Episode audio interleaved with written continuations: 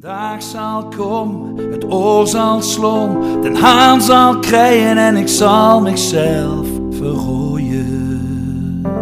Voor dich, voor goed, voor altijd, voor zolang het zal bestaan. Hoe zat het ook alweer? We hebben een dromerige wandeling door de stad gemaakt samen met Fabian. En die wandeling die eindigde bij het stadhuis. Bij geliefde die alleen nog maar in zijn dromen voortleefde. De autorit van Fabian met zijn zoontje Gideon op weg naar the middle of nowhere voor een bliksembezoek aan een reunie van zijn brugklas. Het ongeluk en het heftige verhaal van een pesterige Victor. Dat eindigde in een vastgelopen lift in een schoolgebouw door alles en iedereen verlaten. Wat heeft dit nu allemaal met elkaar te maken? Wie heeft wat met wie te maken? Haak niet af. Het wordt duidelijk.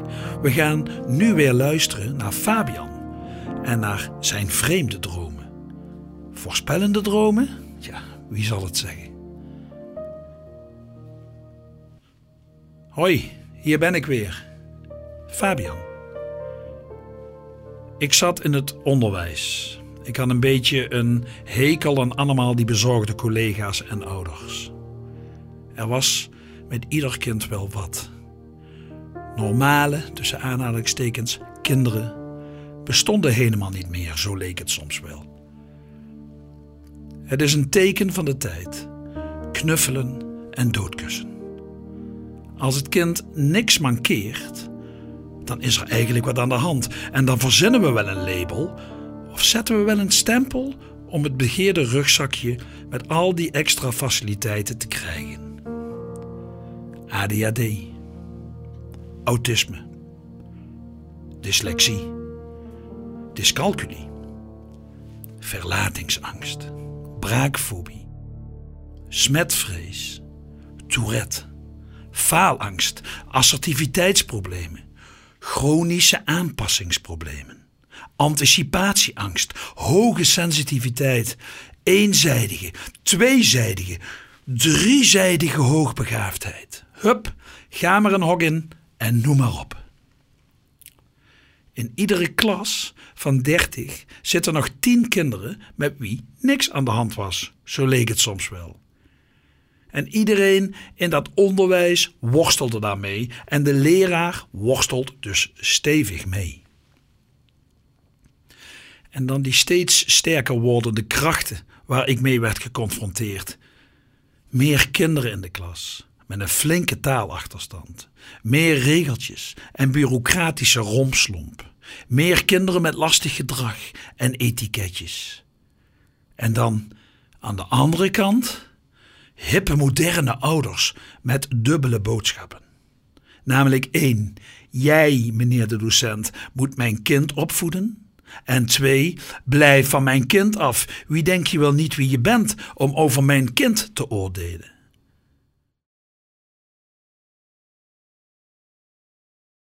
Dat de leraar in dit ingewikkelde krachtenveld zijn eigen gezag nog steeds onder controle had, was soms echt een wonder te noemen.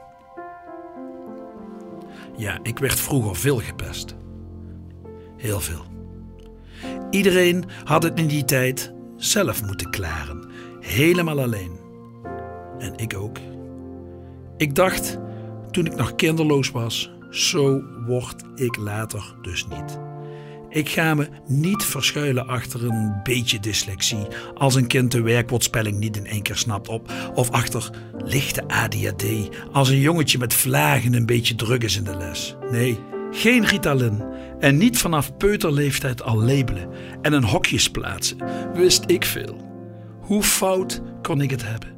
Ik had alles verkeerd beoordeeld, echt alles.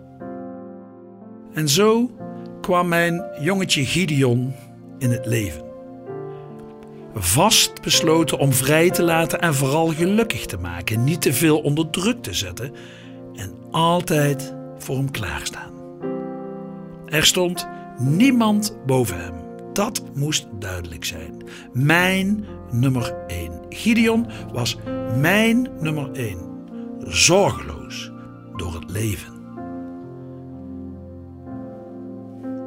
Wat mijn probleem echter in de loop der jaren werd, is dat niet Gideon degene was die gebreken vertoonde, maar juist zijn vader.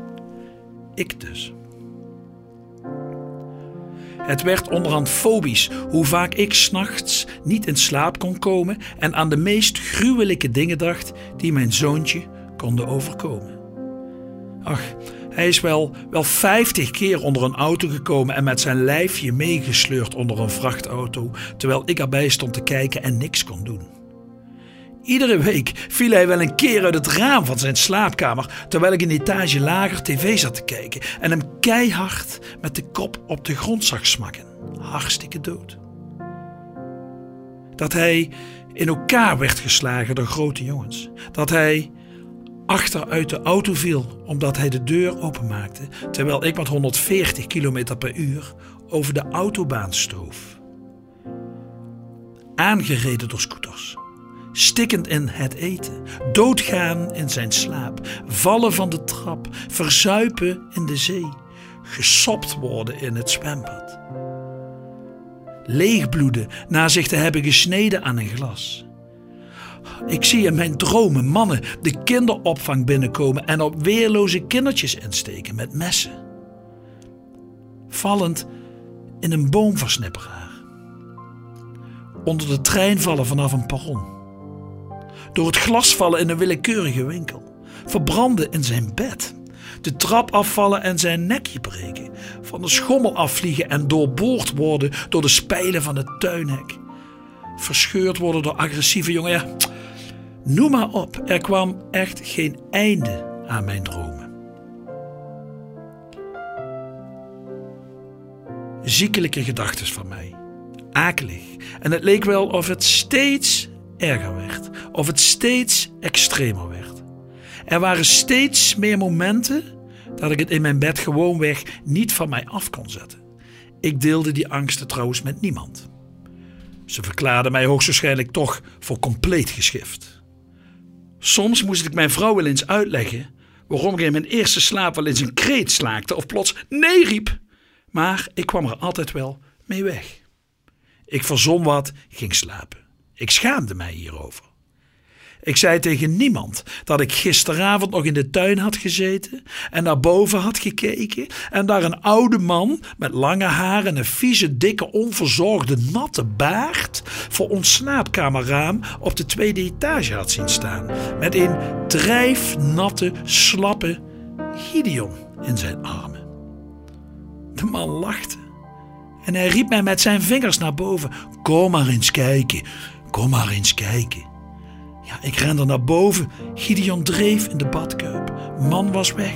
Kindje was dood. Ik keek in zijn opengesperde blauwe, gebroken ogen en ik begreep er niks van. Want dat, ja, dat was echt het meest opvallende. Die ogen. Ik keek altijd in de ogen van mijn zoontje als het dan zogenaamd gebeurde. Dat was altijd het vaste onderdeel van ieder horrorscenario. Het einde. Die mooie, heldere, blauwe ogen die mij verbaasd aankeken, bang aankeken, wanhopig aankeken en mij op het laatst vol paniek en radeloosheid aanstaarden. Vol ongeloof, maar altijd, altijd even blauw. Wat er ook gebeurde. Zo bleven zijn ogen mij altijd volgen als hij werd geëlectrocuteerd, vergast, vermorzeld, versnipperd, platgewalst, verzoop. Altijd, altijd die blik van papa, help me nu. Papa, ik heb je nodig. Papa, dat had je toch beloofd. Help me nu, ik ben toch jouw nummer één, papa. En nu ligt dat manneke naast mij te slapen in de auto. Eindelijk. Zijn ademhaling is regelmatig en het leek wel of hij helemaal geen last had van zijn ontstekingen in zijn oortje. Dit is het echte leven. Geen verkeerde droom. Gewoon rustig rijdend in mijn Renault uh, Hupplepup op weg naar wat kleine pildorpjes. CD'tje op van Puccini. Niks aan de hand. Geen wangedachten, geen angst, geen noodlot. En even na de reunie. Als Gideon zou slapen bij de reunie, dan zou ik hem even lekker in de auto achterlaten. Ach, vijf minuutjes maar. Eindelijk sliep hij. En ook ik kwam tot rust. Op weg naar Griensveen en Helenaveen. O mio babino caro, mijn geliefde vadertje. Ik hou ook van jou hoor, lieve papa.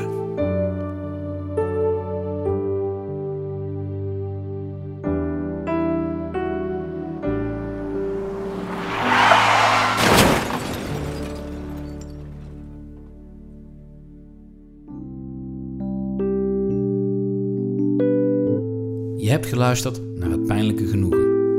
Een podcast van Jacques Paul Joosten en Jeroen van den Berg met medewerking van Omroep Venlo.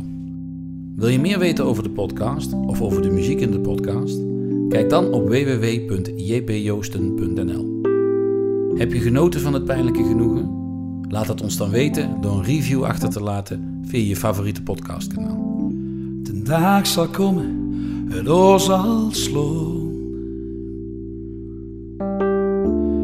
Dat ik zien en stil blief staan. En alles lotte verwaarde is. Het is geschreven, het is beslist. De dag zal komen, het oor zal slaan.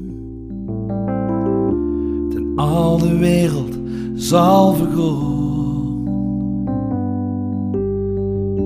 De moor zal vallen en de grens verdwijnt.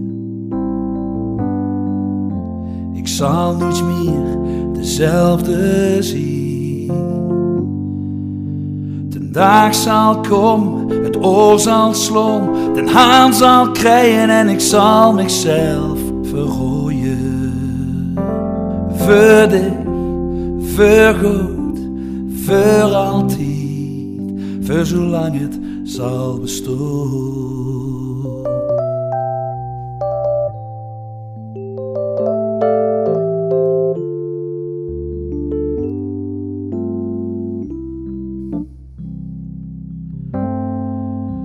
De dag zal komen, het oor zal slaan. Zon zal niet meer ondergaan. Het leeg zal blijven en de nacht verdwijnt. En ik zal nog hetzelfde zien. De dag zal komen, het oor zal slaan, de haan zal krijgen en ik zal mezelf verrooien. Voor dich, voor goed, voor altijd. Voor dich, voor goed, voor altijd. Voor het zal bestaan.